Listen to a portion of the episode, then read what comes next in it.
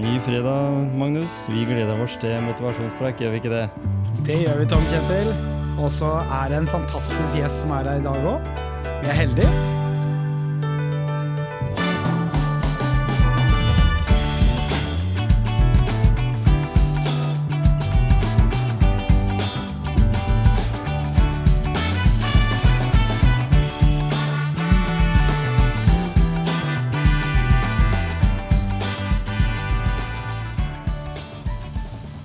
Ja, da er vi tilbake i motivasjonspreikstudio, og i dag så har jeg fått en kar på besøk her, som eh, ikke er helt ukjent for folk. Eh, jeg så en svær plakat av deg på Elvespeilet og på Ibsenhuset Mm. og sånn.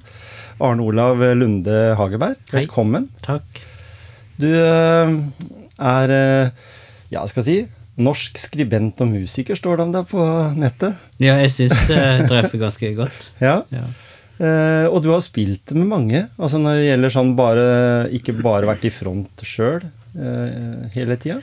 ja, det blir litt sånn når en har holdt på ganske lenge, så dumper en jo borti forskjellige folk, og så men finner tonen med og det litt mer tilfeldig for lov å spille med og sånt. da. Ikke sant? Ja.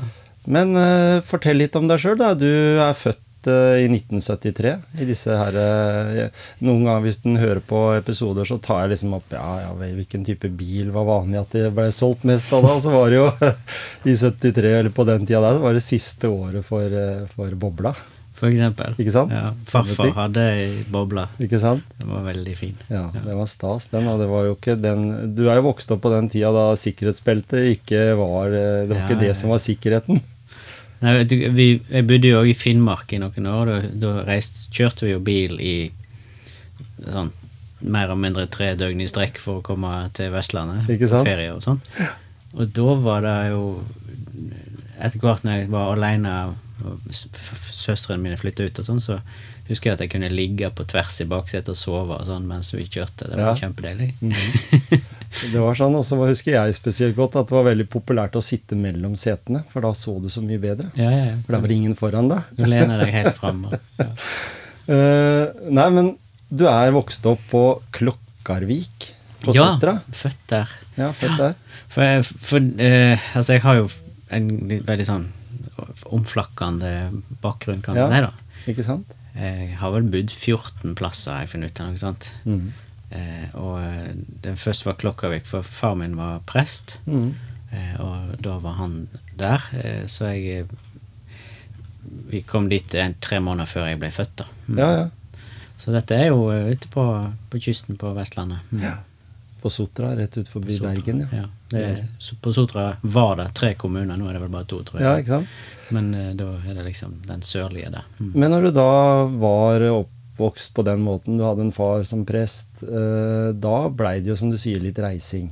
Så du nevnte her eh, Finnmark.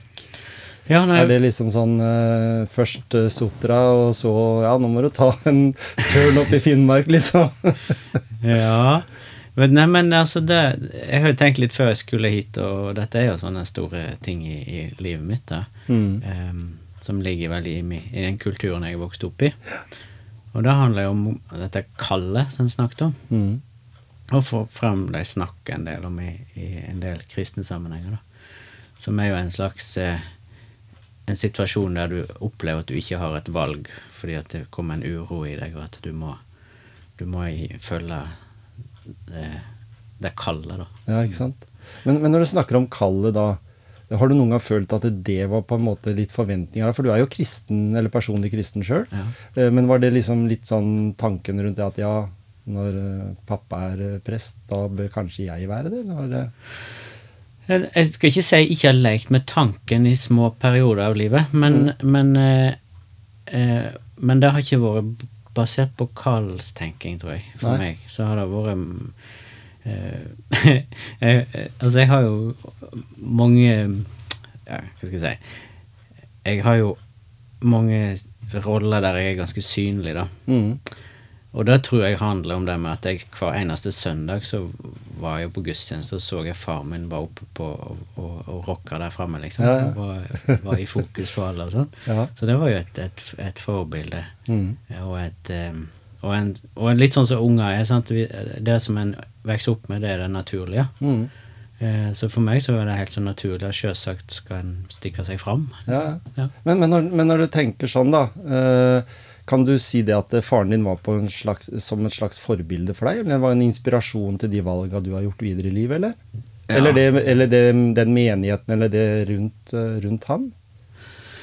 Eh, ja, jeg, jeg tror jo det, det er litt sånn som jeg syns jeg ser Nå er jeg snart 50 år, at en ser jo mer og mer at uh, hvor mye det betyr, da. Og hvor mye foreldre er som forbilde, og kulturen en vokser opp i, og sånt. Mm. Hvor djupt det sitter i, i meg, da. Ja.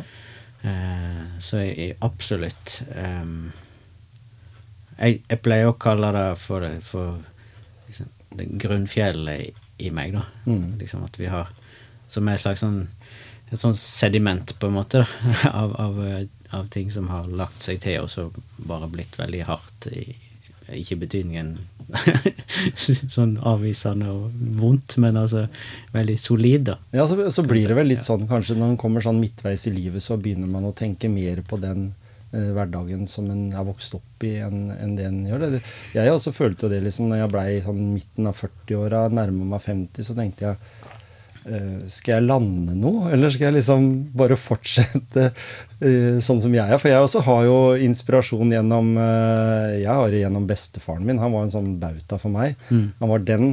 Det var han. Som på en måte sånn, sånn symboliserte han på, i båten med pipa, god kontroll på det han dreiv med. Og så var han dårlig på mange, mange ting, men de tinga som, som jeg som ung gutt eh, vokste opp med, var liksom det som skapte meg, da. Fordi jeg hadde en far som nesten ikke var hjemme. Eh, han var, eh, Om ikke han jobba, så var han i fagforeningsarbeid. Og når han ikke var i fagforeningsarbeid, så jobba han med andre ungdom. Så, så det liksom så ikke mye til han, men, men, men bestefaren var alltid der med pipa og kortstokken og, Ja.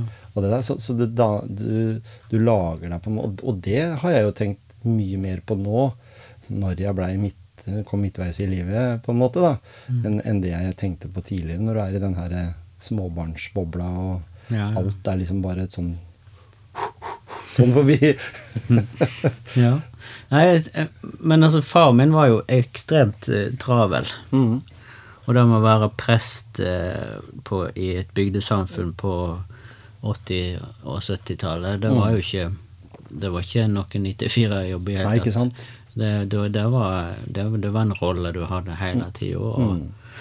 eh, eksempel når vi da flytta til Øksfjord i Finnmark, på, på, som er i Loppa kommune eneste jeg visste om det fra før, var at jeg hadde hørt på, på Bodø, på, på eh, Stumpa-serien. Ja, ja. Hørespill. hvor de sa, Dra til Lopphavet! Ja. Det det eneste jeg visste. Og det var jo det vi gjorde. Ja. Lopphavet er rett ut der, og det er jo og det er Atlanteren rett inn. Og nord for Polarsirkelen. Nei, ikke Polarsirkelen, hva heter det? Golfstrømmen. ja, ikke sant? Så um, jeg husker vi prøvde å bade en sommer, det var ikke vellykka. Det Det var flotte, fine strender Det var men det var kaldt i vannet. maks 12-13 grader. Ja, ikke sant? Skikkelig varmt. Ja. Ja. Nei, Men poenget mitt var at eh, eh, Ja, hva var det jeg snakket om? Um, Det jo, det var det der med heldagsjobben, ja. Ja, ikke sant? Det med, eller at det er en livsstil. Og da kom det jo altså tid som helst på døgnet så ringte det på døra, og så var det enten så var det at han måtte ut i et dødsbud, for det var veldig mange som drukna på sjøen, for Ja, veldig mye sånn dramatiske ting som skjedde rundt oss. var ikke. HMS på samme måte Nei. den gangen. Nei, og det var en veldig sånn, en sånn kultur som var veldig uh, jeg, skal, jeg skal ikke si macho, men det var en, sånn, sånn var det, liksom. Det var ingen av fiskerne som kunne svømme, liksom. Nei. Og veldig lite redningsvester. Og mye alkohol, sjølsagt. det er jo en dårlig kombinasjon. Mm. Eh, ja, mye sånn eh, vi står han av-mentalitet, liksom. Ja, ja. Eh, så det, nå ble det veldig bred pensel, men Nei, men det er viktig å få med ja, det. ja. Men, eh, men eh, poenget er der, for meg som liten gutt hjemme, så var det jo sånn at far kunne når som helst måtte gå på kontoret, som jo var i huset. Mm. Han kunne når som helst måtte på jobb, og, og de ting kom veldig tett på, da. Ja. Liv og død. Og, Mm. Eh, Du ble veldig. veldig involvert som hel familie. Mm. Hvordan gjorde det med moren din?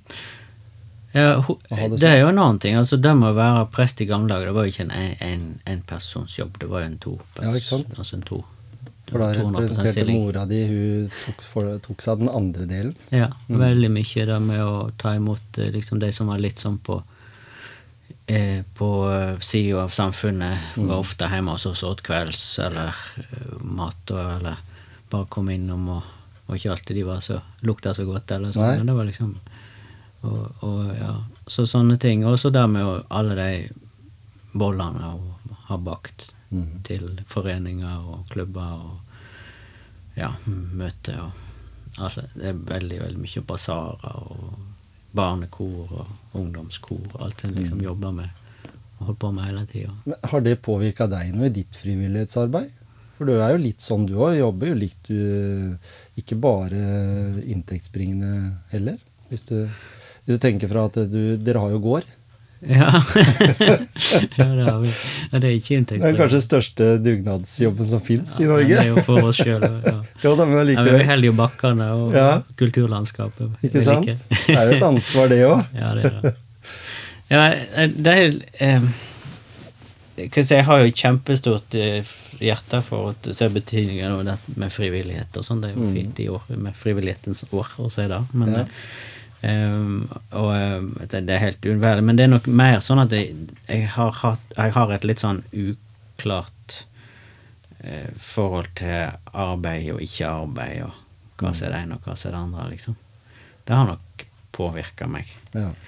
Jeg har, har er ikke så flink til å ha sånne jobber der det er veldig klare eh, tariffer, liksom. Nei. Kommer på jobb åtte, ferdig fire, ikke noe utenom. Nei, uff. Det blir helt eh, Du blir satt i bås bare du tenker på det. Ja, jeg blir det. Ja. Det føles veldig trangt. Mm.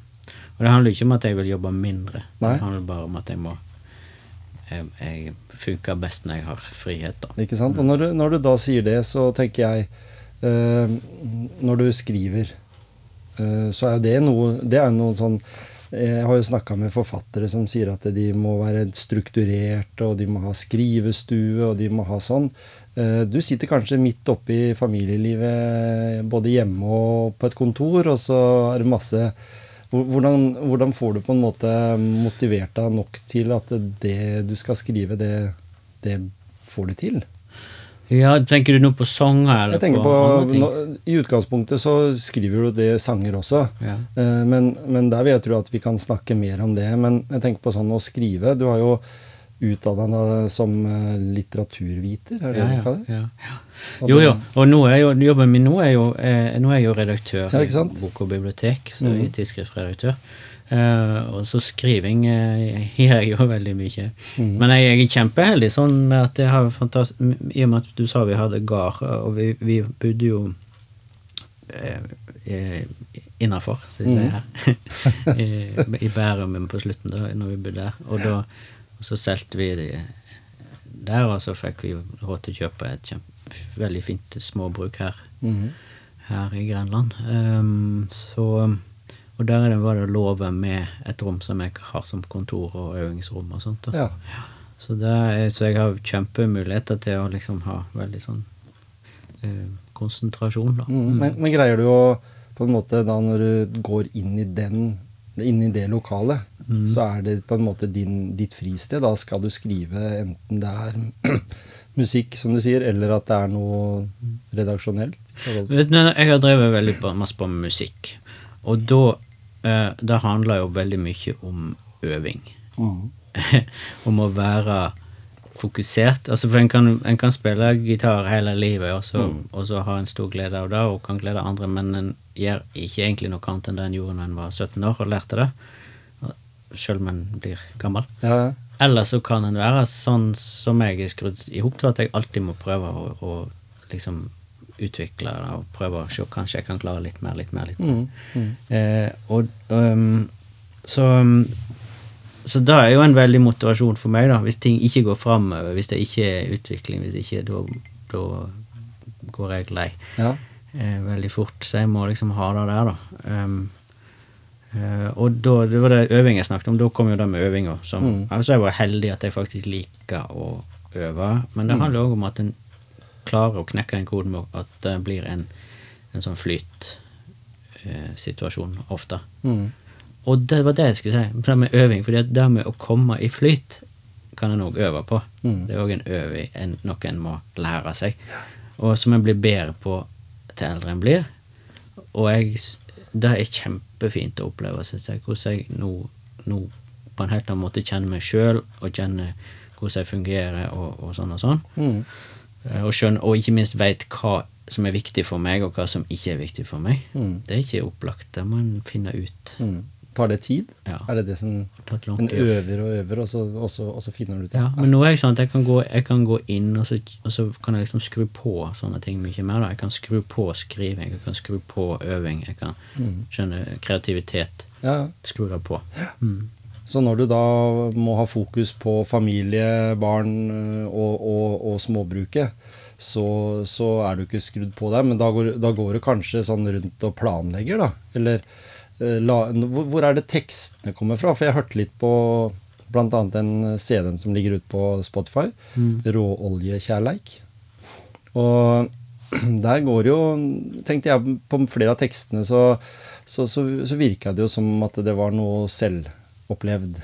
Eller om det var eh, elementer som, som på en måte er litt deg, da. Dette her med eh, skal jeg si Noen ting som hørtes som om at du var en motstander, men du tok det ikke helt ut. Du liksom var, hadde en tekst som, som fornevnte det, eh, men du, det, blei ikke det ble ikke en politisk låt, for det var litt Olav Stedje, tenkte jeg. Mhm. Litt sånn uh, hyggelig, uskyldig, men allikevel litt sånne tanker rundt det, hvis du lytter på teksten. Så det anbefaler lytterne våre til å høre på Råoljekjærleik, fordi det var Du synger på en fin dialekt, og du har en fin tone i musikken. Og så syns jeg det var et budskap, men du kunne liksom plukke ut noen sånne elementer som, som på en måte låta var fin og velpolert, og så hadde du noen sånne stikk. Er det, er det litt deg? At du ønsker å si fra? Å ja, absolutt. Jeg tenker, det er jo Litt tilbake, for du sa det med garn og småbruk og sånn. Det, det må jo sies det er EOK nå som er den store der, da. Ja, ja. Og kjempeflink og gjør mye mer enn meg mm. på det. Eh, bare så det er Dere har noe hest og sånn, er det ikke det? Jo, vi har det. Mm. Ja? Men jeg bidrar jo litt, da. Ja. Men eh, Det er som meg, da. Du får arbeidsoppgaver. Her er lista. Ja, litt sånn. Ja.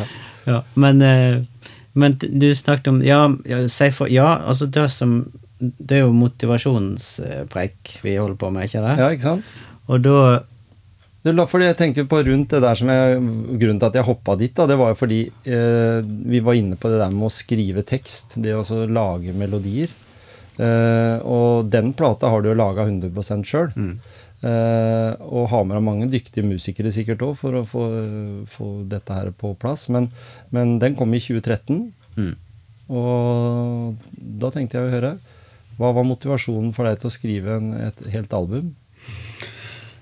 Altså, jeg har jo mange album liggende. Ja, altså sang, sanger.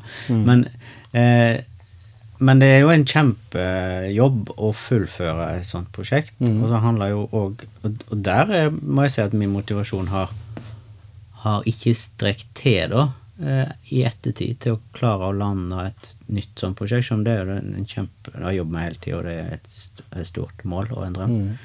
Um, um, og da kan en godt si at det er motivasjonen som, som skorter på. Og da handler jo på handler om eh, at en må ha tru på at det en har å komme med, er, er verdt noe.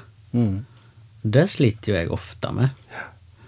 at jeg tenker at eh, uff, nei, det er ikke bra nok, det er ikke bra nok.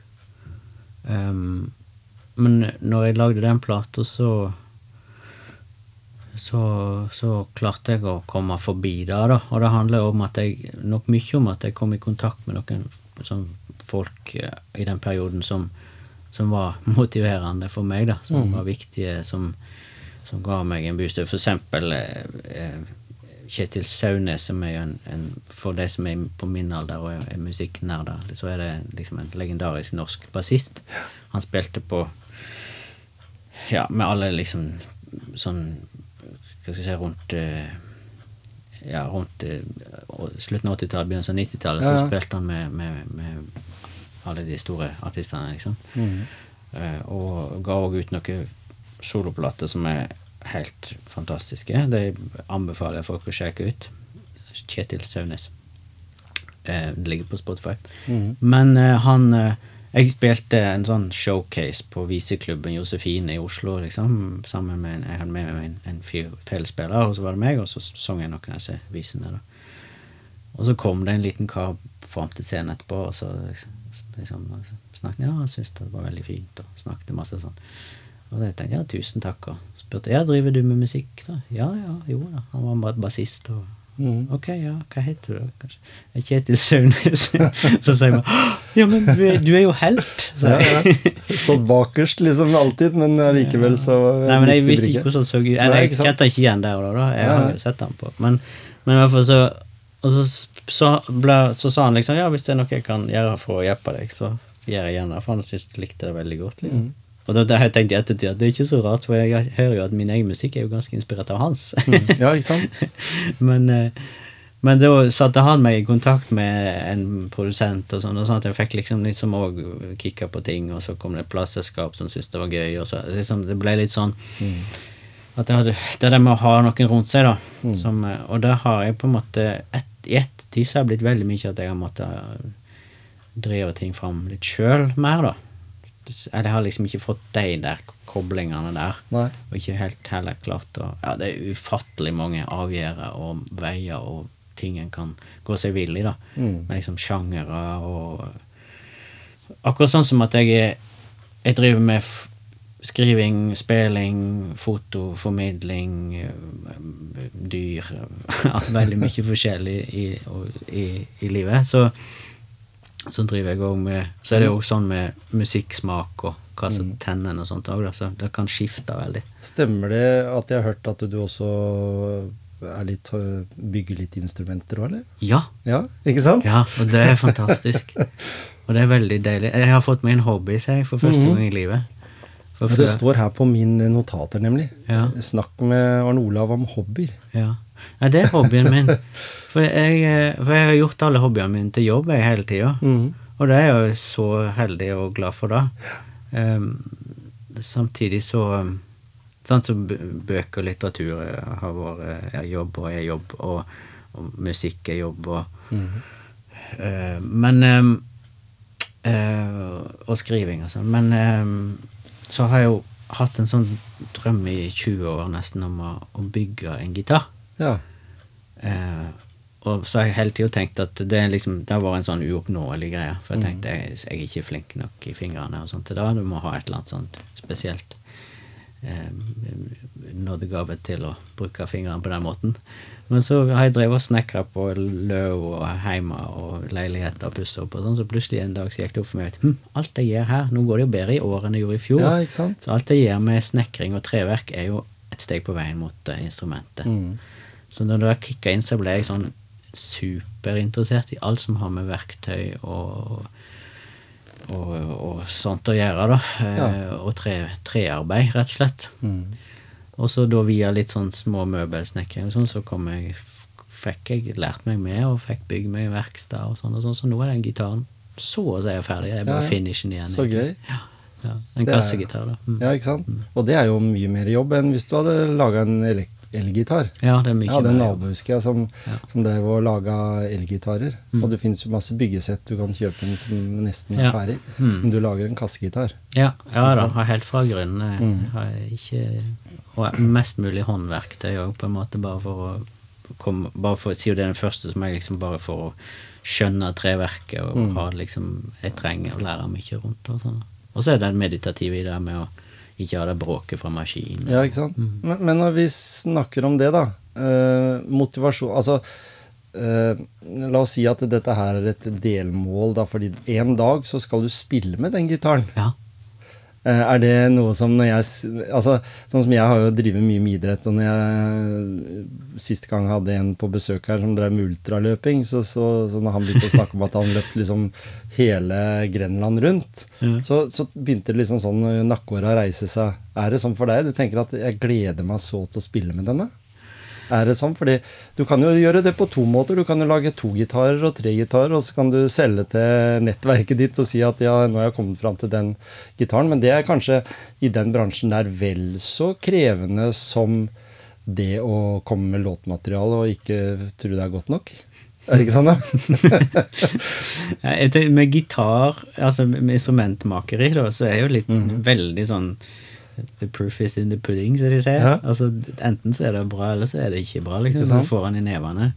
Så det er veldig sånn eh, Ja, det, det er jo en fysisk ting i rommet. Mens musikk og, og kunst og tekster og sånn er jo er jo så mye mer eh, sårbart og omskiftelig og avhengig av hvordan det blir mottatt og sammenhengen det blir lytta til i. Og, altså, så der er det så mange mer, mer, mer sånne usikre faktorer. da. Mm. Det er òg noe av det som er så, som Det er veldig forskjellige ting å holde på med, selv om Mm. det òg Samtidig så går det av den samme kreativitetsmuskelen, på en måte. Mm. Så der merker jeg at når jeg hadde stor framgang på gitarbygginga og brukte mye tid på det, det var i samme periode som jeg hadde rett og slett en hvileskjær i spilling og, og, Ja. og musikkutøving. Fordi at jeg kjente jeg hadde ikke motivasjon til det. Nei, ikke sant? Mm. Så da fant du en liten sånn pause. Ja. Ja. Og, og, da, og når jeg da kom i gang med gitarbygging, så ble jeg jo ikke sånn kreativt rastløs lenger. Sånn, Nei. Sånn, altså. Ikke sant? Og det fikk jeg jo ut der, da. For det forventer uh, mye av deg, altså, og, og det at du er litt perfeksjonist. Du er opptatt av at du skal ikke levere noe halvveis. Nei, jeg må nok være det? det. Det, er så, det er så rart for meg, det der, For det har jeg alltid tenkt at kanskje kvalifiserer jeg til en slags perfeksjonist, men jeg har aldri kjent meg hjemme i det begrepet. Nei. Men kanskje jeg har men fordi at jeg aldri syns noe blir perfekt. så, Nemlig. Så kanskje det er derfor. Jeg vet ikke. Ja, for, for når du tenker at du, du har jobba sammen med kona mi på biblioteket i Skien, Ja. eh, og du sier jo det at du Når du føler at liksom, jobben på en måte pakker deg mer og mer inn, og du får mindre og mindre frie, frie tøyler, hvis en skal si det på den måten, Mm. eh, så føler du at da må du gå videre. Jeg er litt sånn sjøl òg, jeg. Føler det liksom at det nå kjeder dette med meg. Jeg har ikke lyst til at det, ting skal være kjedelig. Mm.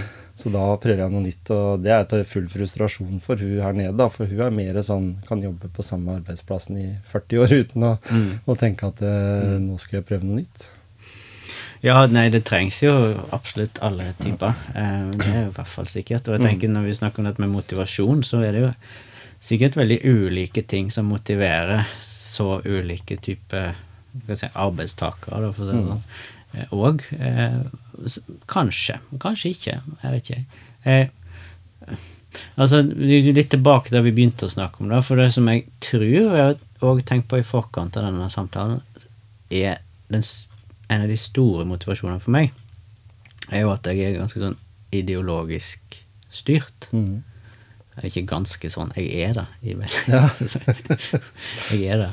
Jeg må ha en sånn følelse av at jeg er, er meningsfullt, Mm. og på en måte eh, blir Bidrar til det store livsprosjektet. Mm. og, Og hva er det store livsprosjektet? Ja, ikke sant? Er det noe det går an å si på, på podkast? Ja, det er absolutt mulig å prøve å si det. Eh, Men det er ikke så konkret. Nei? Eh, men jeg tror det er med det grunnfjellet i meg som jeg snakket om i stad, at det handler om de verdiene som jeg, eh, som jeg fikk eh, planta inn da veldig tidlig. Mm. Eh, og og nå, religion og kristen tro og sånn får jo mye pes Mm. eh, for tida. Ja, ikke sant? Eh, Alt er gærent. ja, det er veldig mye det som er gale som kommer fram, da. Mm. Og jeg skal ikke påstå at det ikke er, er galne ting i det. Nei, nei. Mm. Men eh, eh, Og at det har blitt gjort og blir gjort mye som, som sårer folk og, og, og ja, i hele tatt. Det, men det er vel ikke et miljø som ikke kan trekke fram sånne paralleller? da? Nei, for det, det, det, er, det er et eksempel på det som kanskje Som jeg husker eksempel fra min, fra min barndom, da. Mm. Så husker når jeg kom i eh, og barne- og ungdomstid Når jeg kom eh, prøvde meg så vidt inn i fotball, idrettsmiljø og sånn. Mm. Eh, og sånn skolemiljø som ikke var ikke, vanlig klassemiljø. og Sånn. Så husker jeg at jeg reagerte veldig negativt på at folk brukte homse og sånn som skjellsord, som var helt vanlig å gjøre på 80-tallet. Mm. Og veldig masse sånne homovitser og sånn. Eh, og det, det var kjempemasse av det. Mm. Og alle drev sånn og, og liksom Det er liksom den Hvem hørte ikke den 'Er du homo, eller?' Ja. Husker du den? Det var så vanlig. Mm. Og jeg husker jeg reagerte så negativt på det, og tenkte at det, kjente at dette er feil, liksom. Mm. Dette er ikke riktig. Er Og ikke den gangen var det mye mot gutta som var homo, og så husker jeg det var mye hore hvis du var dame, liksom. Og Ja. helt til du begynte å finne ut at eh, begge kjønn kunne Ja. ja. Men, men mens i kristne miljø Mm. så opplevde jeg aldri.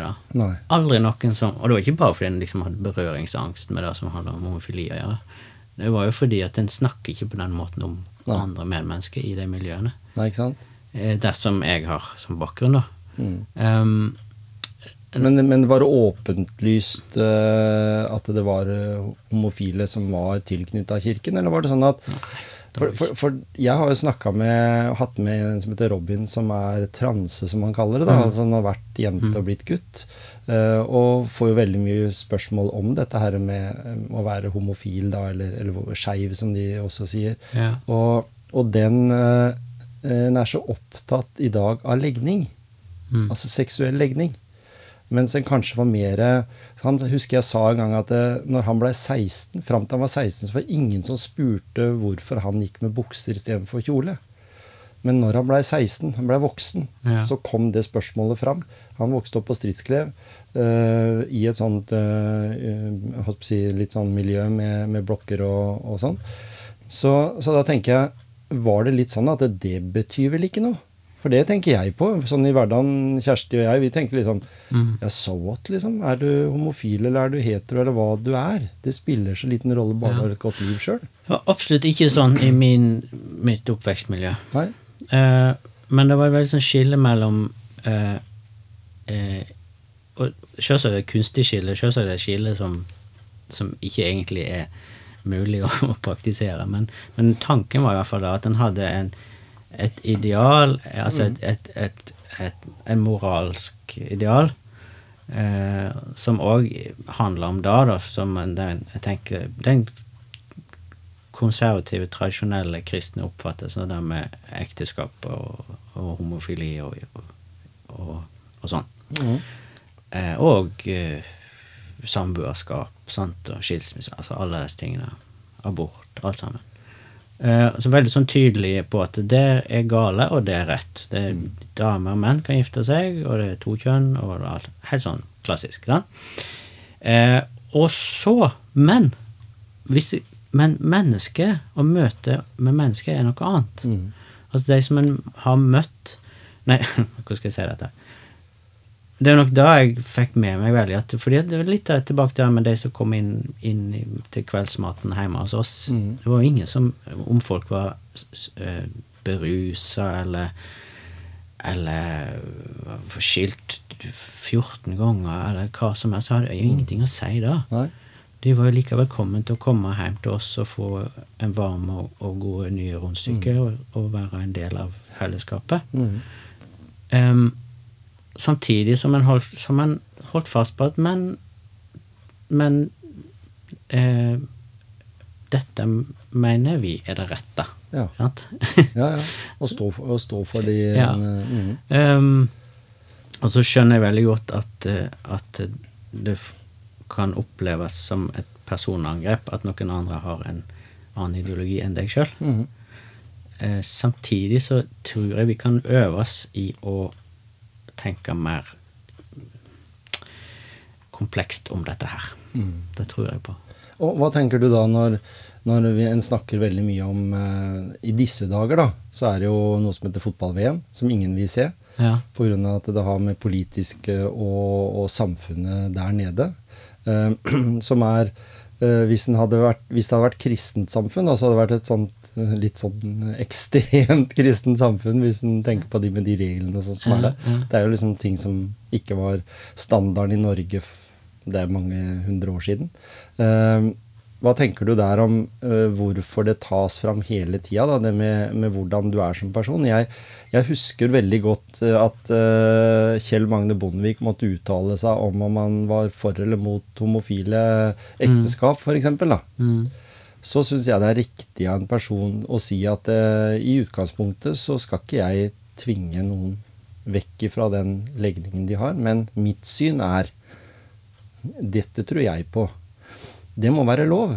Mm. Eh, Det er jo litt som du sier også, dette her med at en kunne godt si at eh, ja, men det er greit at du ruser deg, men jeg mener at kanskje rus påvirker sånn og sånn. At, det, at en har mulighet til å ha en mening, men den behøver nødvendigvis ikke å være i konflikt med den meningen andre har, eller den legningen andre har. Hva tenker du om det? Altså sånn, I det at du har vokst opp i det kristne Ja, ja, ja. miljøet, eh, og fortsatt er, er kristen. Jeg hadde jo trodd forresten eh, at jeg ville hørt mer kristne budskap i tekstene dine, men det var det jo ikke.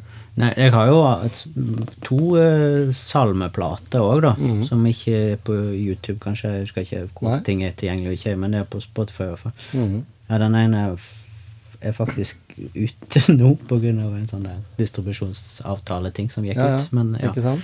Uh, for den var litt gammel. Men eh, eh, ja da, så Men jeg, jeg tenker at det er masse og kristent òg i de tekstene, på et vis, da.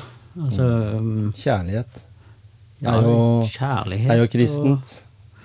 Det med, det med, jo, men også det der med forhold. Det hadde du jo en del om der. Ja, men så tenker jeg òg For eksempel, jeg, jeg har eh, for eksempel Havet, da, som er en av sangene. Mm. For meg så handler jo den om et derre spennet mellom den individuell, personlig realisering og kollektivet, kanskje. Mm. Eh, og som er sånn djupt kristenmoralsk eh, spørsmål, på en måte. Som, det, det, som er selvsagt For meg så kobler det seg til det, da. Mm. For det med, med hvorvidt en skal være individualistisk og selvrealiserende, eller om en skal, skal eh, eh, åh, Hva er dette ordet, da, som vi nesten helt har glemt, vet du? Som, het, som handler om å være eh, Ikke audmjuk, men å være eh, Ja, jeg skal si hvis jeg kommer på det. Ja. Men i hvert fall det med å Ja, ofre seg for andre, da, kan du si. Ja, og så har du mye natur. Det er jo fjell, og det er havet, det er eh, Ja, for, og der er jo Og, og, og 24 kalde. Når jeg tenkte det, så tenkte jeg Nå synger Karl Olav om 24 Nei. kalde øl. Jeg var veldig uheldig. men Du er ikke den første som misforstår den. Nei, ikke sant? er ikke så farlig. Nei da. Men du hører, hvis du hører resten av teksten, Ja, så er skjønner du det at det har med minusgrader å gjøre. Nei, men den er jo en, en, en av flere tekster jeg har som, som prøver å tilnærme seg dette med integrering eller forhold mellom kulturer og, og, og sånn. Eh, Og det er jo òg en sånn opplagt ting. Altså, jeg vokste jo opp med vi, det, det er òg en ting. Vi hadde jo masse sånne lysbildeserier fra Misjonsmarken og misjonærer som som vi, vi omgikk til daglig, masse slekt og til kona mi og masse misjonærer og alt sånt. Det er jo liksom Og det handler jo Det er jo ikke Dette er jo ikke folk som reiser ut i verden og er kolonister Nei.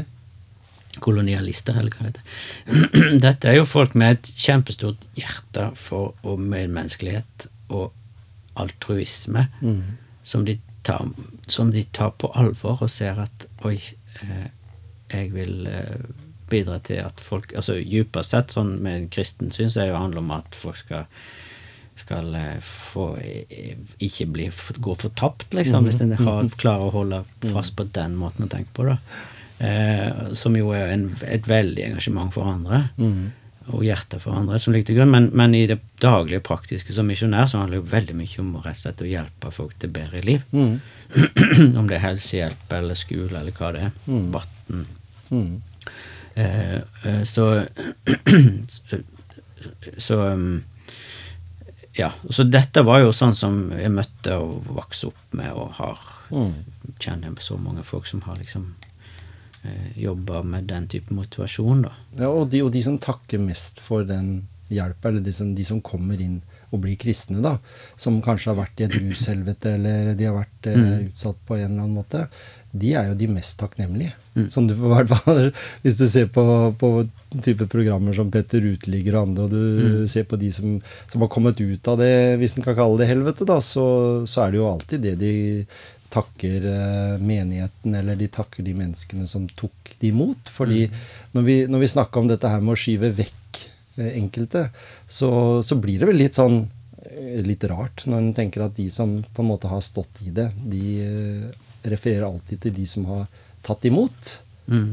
For Det er jo sånn det motsatte av hva liksom vi skal rakke ned på, på kirken, vi skal rakke ned på kristendommen fordi den har vært sånn og sånn i mange hundre år. Men det er vel mye de menneskene som er med òg. Fordi som du sier med mora og faren din som, som sto veldig i det og åpna hjemmet sitt for, for mange, som skapte din, din tro og din lærdom. Mm. Uh, det er ikke gitt Det er person, personrelatert også. Fordi Ja. Det har litt med det, det er ikke noen sånn skole som sier at det, sånn skal det være, fordi du kan jo gå gjennom skolen, og så kan du bli annerledes når du blir voksen. Ja. Nei, det, det, det er personalitet, men det er, men det er Ja, i mindre grad, tror jeg. Altså. Jeg tror det er i større grad faktisk at det, foreldrene mine er, var et, er og er, da, de lever jo begge, et produkt av det miljøet de vokste opp i, og den ideologien de var, var, bar de. Eh, og sånn er det jo med meg òg. Og, og, og em, Eh, Ja, og sånn tror jeg det er med oss alle, da. Og, så dermed så Altså, det er så mye av velferdsstaten, sånn som den fins, da, som jo har sitt utspring i eh, i Skal vi si eh, Ta eksempel Blå Kors, da, rusomsorg. Det begynte jo i kristne sammenhenger. Ikke sant? Jeg vokste opp der, ut derifra. eh, og, og sånn, så Vi snakker om 1000 år. 1000 år med historie i. Norge. ja. På den, på den eh, hvis vi skal kalle det den snille måten å bygge kristendom på, da, fordi vi har jo ikke vært uh, he, altså, Vi har ikke vært helt stureine, vi òg, men det har jo vært stort sett så har det vært eh, et viktig miljø rundt kirken, enten du vokste opp i en bygd eller Mm. du vokste opp i en fjord. Mhm. Jeg, jeg ser jo at jeg har vært veldig heldig. Jeg har vært kjempeheldig i livet. Altså, jeg har all, ikke hatt noen eh, Hva skal jeg si Altså trygg heim og alt sånt, og ikke noe um, Ikke noen som har gjort noe galt med meg mens jeg vokste opp. Og, og, og jeg har All denne flyttinga er jo en kjempe eh, hva skal jeg si, potensielt ganske krevende ting å utsette unger for. Eh, men jeg var veldig heldig med at jeg eh, flytta på et tidspunkt der, jeg, der det på en måte passa ganske greit med skole og, og miljøskifting og sånn, men òg at eh, Og at som jeg som person, da, av en eller annen grunn, der jeg kom, ble respektert, og dermed ikke ble et eh, mobbeoffer eller sånn. Mm. Uh, så uh, ja. Men var du tilpasningsdyktig? Siden du kunne flytte så mange ganger? Ja, jeg tror nok jeg har i hvert fall en, en veldig sånn Jeg liker veldig godt å leke med meg sjøl. Altså sånn å holde på med mine greier, liksom. Eh, og da Og, og vet liksom Alltid, alltid visst hva jeg hva, at, Ja, gått etter de veiene, da. Eh, aldri vært så opptatt Eller egentlig tvert imot. Jeg har vært opptatt av ikke å gjøre det som var populært, på en måte.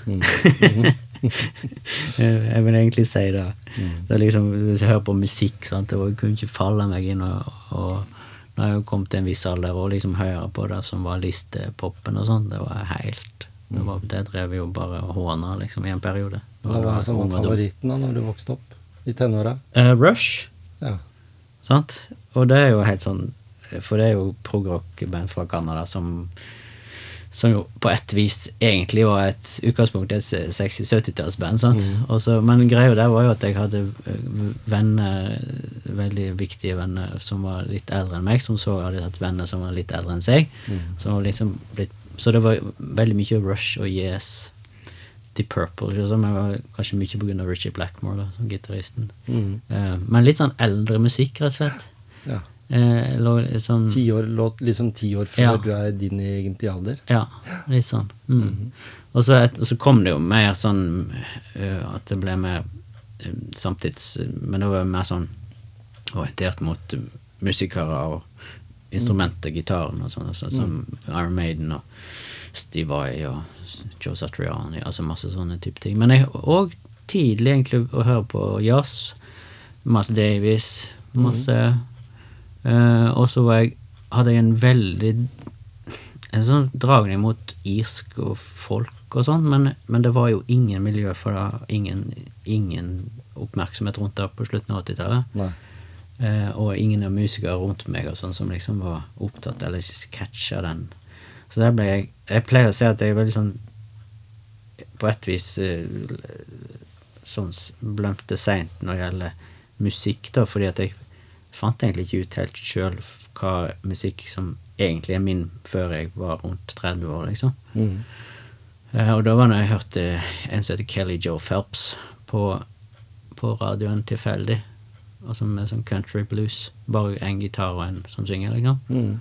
Og det har jeg jo holdt masse på med etterpå. Uh, med sånn fingerpicking, altså sånn spesiell spillestil. Og det, jeg ble helt, jeg husker jeg ble helt slått i bakken når jeg hørte det. Jeg tenkte hva er dette for noe? Jeg har aldri hørt noe sånt før. Og så um, Han døde forresten i år. Mm. Veldig trist. Eh, Veldig tidlig, egentlig. Men eh, Ja, og det Apropos du snakket om i sted med spillere spille for folk og sånn. Eh, før vi flytta til Grenland her for ti år siden, det er jo vel så det nå. Så det var jeg egentlig litt sånn, det var da jeg slapp den plata, og ting liksom begynte å skje litt sånn rundt, rundt det der med min egen musikk og sånn i, i Oslo-området og sånn. Mm. Ehm, det var, var veldig gøy. Og jeg hadde jo tenkt meg ja, jeg kan flytte til Grenland, så kan jeg bare flytte, reise innover til Oslo og ha konserter. Sånn, det går fint. Men det er jo ikke sånn det er. Det må være der. Det, der. Så, så der var det jo et sånt Og det er et fantastisk sånn bluesmiljø her. Mm. Det Noen av de største bluesartistene i landet og verden kommer jo herfra. kommer fra Grønland, ja. Um, men, men jeg har liksom aldri vært inni det, for det var litt sånn annerledes eh, Ja, vanskeligheter. Men i hvert fall, i Oslo så, så var det sånn at jeg ble booka inn til spillejobber for Oslo Bluesklubb og sånn, og liksom var, Mm. ting begynte å skje, da. Og så fikk jeg, fikk jeg spørsmål Plutselig var, så ringte en fra en klubb som heter Bucklist, og så ringte meg og sa Du, eh, jeg husker du hadde jo konsert her, sånn, og din stil og sånn og sånn. Du kunne ikke tenke deg å være oppvarming for Kelly Joe Phelps? Såpass. ja, og jeg var bare sånn Han skal komme her og ha konsert. Det er forbildet. Ja, det var helt Det var bare så vilt, og jeg sjøl sa jo, jo, ja. og så jo da Og det var den perioden han begynte å streve litt i livet sitt, tror jeg. Fordi at da ble den konserten avlyst, og så ble han flytta. Mm. Og så ja, neste gang da skal du få lov. Og så ble han helt avlyst, og så Ja. ble det aldri noe av. Så Så fikk ikke til nei, det. det, er det er en av de store nedturene. Altså. Nei, jeg vet om akkurat hvor mye det der betyr nå, for vi har familie på Stord. Mm. Og han eh, Ståle han spiller jo i band. De har et, et band som de, som de er holdt på med i kjelleren. Mm. Og gitt ut noe musikk og så. Og de spilte da for noen år tilbake på Kvartfestivalen. Yeah. Eh, varme opp for eh, Var det sånn type Euroheap eller noe sånt? da? Eller i hvert fall et sånt yeah, yeah, ordentlig sånn urband. Og han eh, husker jeg snakker om det enda. At de spilte, det var liksom det, det helt store. Det blei aldri noe med de. Eh, og nå er jobb blitt viktigere enn musikkarrieren. Mm. men de er, de er gode nok, vet du, i og med at det, Mm. flere av de Han spilte jo en del for Kenneth Sivertsen, Mm. eh, en av de også som, som dessverre har gått bort. Ja, han har jeg jo et veldig nært forhold til. Mm. Jeg, kjent, jeg traff han aldri, men jeg var jo på konsert med han Ja. flere ganger. Ja. Og han eh, Ståle, han hadde jo han, Jeg husker han fortalte det til meg. Jeg, var, jeg så den gitaren nå, for eh, Kenneth hadde en spesiell gitar. Mm.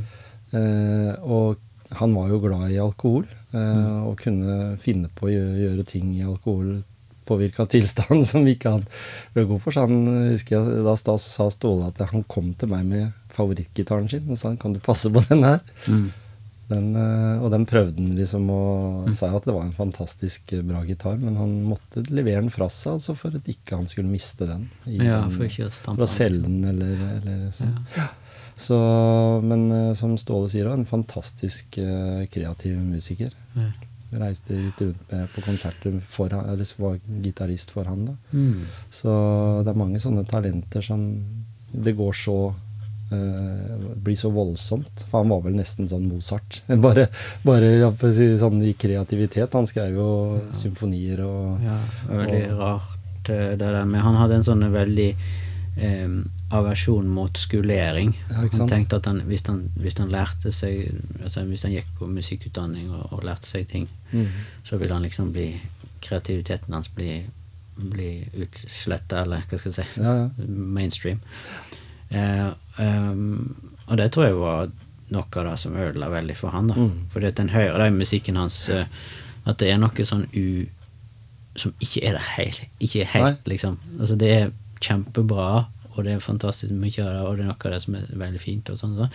Men det er liksom mm, over det, det hører liksom at det er litt sånn Nei, det, er ikke, det er ikke helt på plass, lenger. Holder, det liksom, holder, Det holder noe igjen. helt, ja. Han var jo et enormt komisk talent òg, Ja, syns jeg. og det ødela jo for han, tenker jeg. Ikke sant? Og det at det ble jo Der fikk han jo så mye Så mye oppmerksomhet og og respons og sånn på det, og at det tok over for det s- som Som jeg tror egentlig var det han skulle ha holdt på med. Ja. Mm. Mm. Når, vi, når vi snakker om det med musikk, da, så, så er det jo sånn eh, at det gis jo ut en sted mellom 40 og 50 000 låter eh, på Spotify, blant annet. eh, Hver dag, eller? Hver dag. Ja, ja. ja, ja. Så, så det- det, å slå igjennom i dag, det er jo ikke så lett. Jeg har en kompis som uh, var popstjerne på 80-tallet, og han har jo laga masse fine låter som jeg syns er mange ganger bedre enn det det var den gangen. Mm. Men som han sier, jeg har ingenting å konkurrere med, og så har han ikke noen ambisjoner om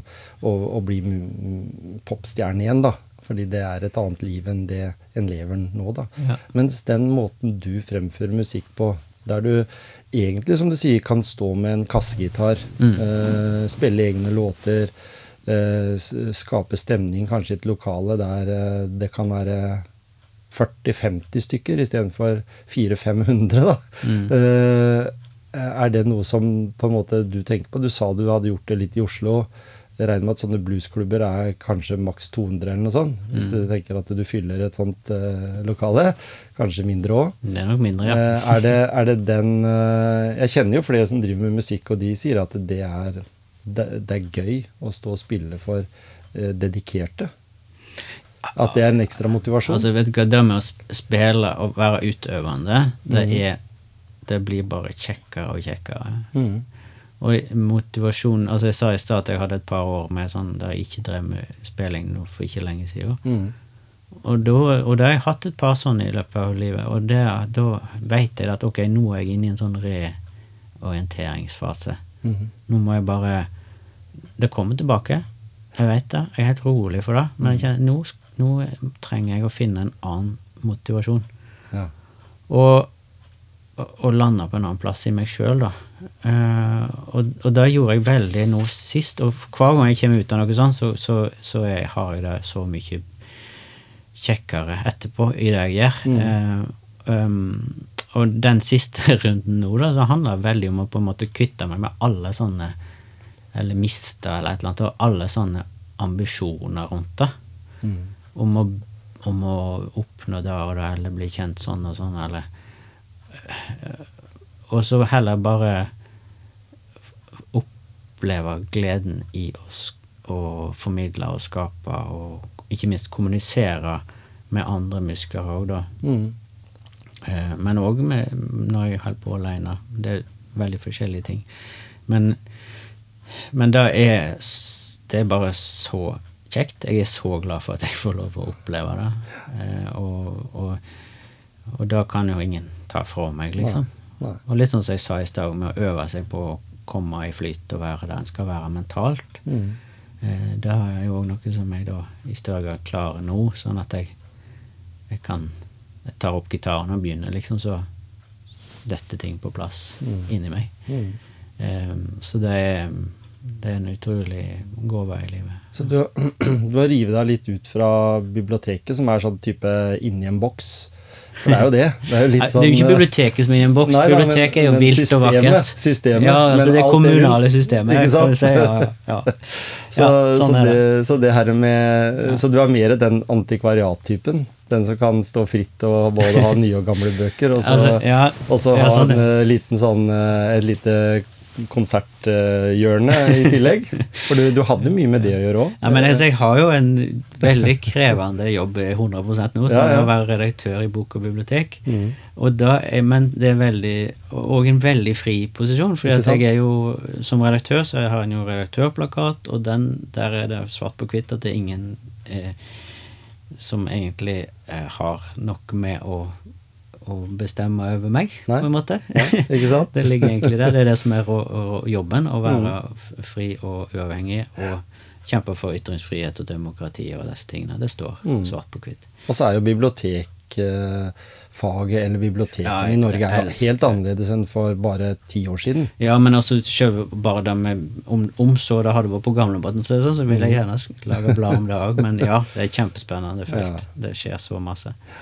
Og det er som Eh, hun jeg er gift med, hun sier at det som er fordelen, det er at det er et gratis tilbud til folket. Mm. Når vi er i disse tider som nå, da, som så mange har problemer med økonomi og sånt, og så kan du finne deg et fristed på det lokale biblioteket da, med ulike arrangementer.